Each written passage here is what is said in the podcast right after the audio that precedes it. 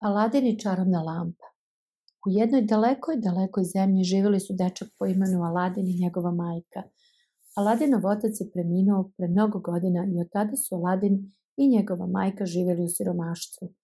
Jednog dana Aladinu je prišao stranac i rekao da mu je ujak. Aladin mu je odmah poverovao čarobnjak jer je to stranac u stvari i bio. Nagradio je Aladina prelepom odećom i poklonima – Nakon nekog vremena čarobnjak je odveo Aladina u planine.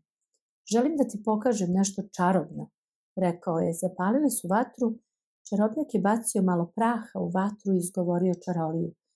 Zemlja je počela da se trese i pojavio se ravan kamen.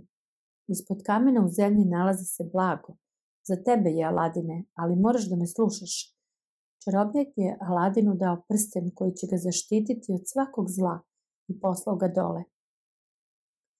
Aladin je poslušao čarobnjaka, podigao kamen i sišao u pećinu. Prošao je kroz prostoriju koju nije smeo ništa da dodirne, pa kroz voćnjak gde je brao najukusnije voće i na kraju je došao do upaljene lampe. Aladin je uzeo lampu sa sobom. Čak i pre nego što je uspeo da izađe, čarobnjak je zahtevao da mu preda lampu. Aladin je to odbio.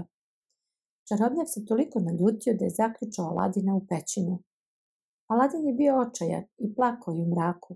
U jednom trenutku je slučajno protrljao čarobnjakov prsten. Odmah se pojavio veliki duh. Duh je izveo Aladina iz pećine i on je otrčao kući što je brže mogao. Kod kuće je primetio da se voće koje je ubrao pretvorilo u prelepe dragulje. Aladin je odlučio da proda lampu pa je hteo da dobro očisti. Nakon što je nekoliko puta protrljao lampu, pojavio se jedan duh. Šta mogu da učinim za vas? Vaša želja je za mene zapovest, rekao je duh. Aladin je razumeo moć koju mu je data i pametno iskoristio. Njegova majka i on više nikada nisu bili siromašni. Nakon nekoliko srećnih godina, Aladin je ugledao odraz sultanove čerke u lampi. Odmah se zaljubio i poželao da je oženi. Poslao je majku u palatu da razgovara sa sultanom. Ona je sa sobom ponela magično voće i vraćala se sve dok je sultan nije primio.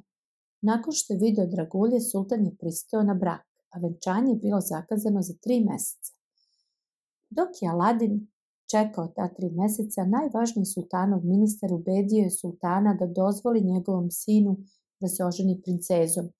Kada je ova vez stigla do Aladina, razbesnao se. Koristio je čarobnu lampu da razdvoji tek venčani par. Uspao u tome, a kada su prošle tri meseca, Aladinova majka se vratila u zamak. Sultan je ponovo pristao na brak, ali ovog puta je njegova cena bila veća.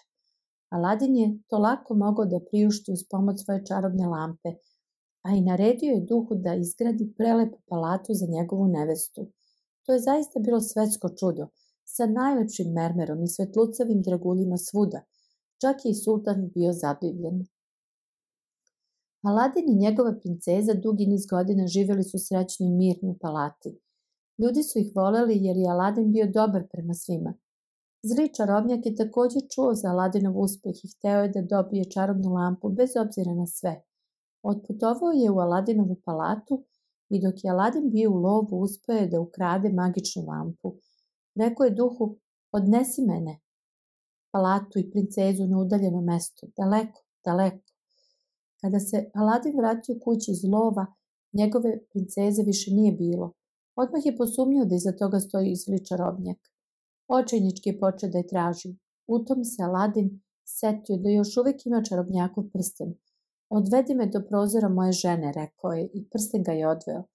Zajedno sa princezom Aladin je smislio plan kako da se reši čarobnjaka.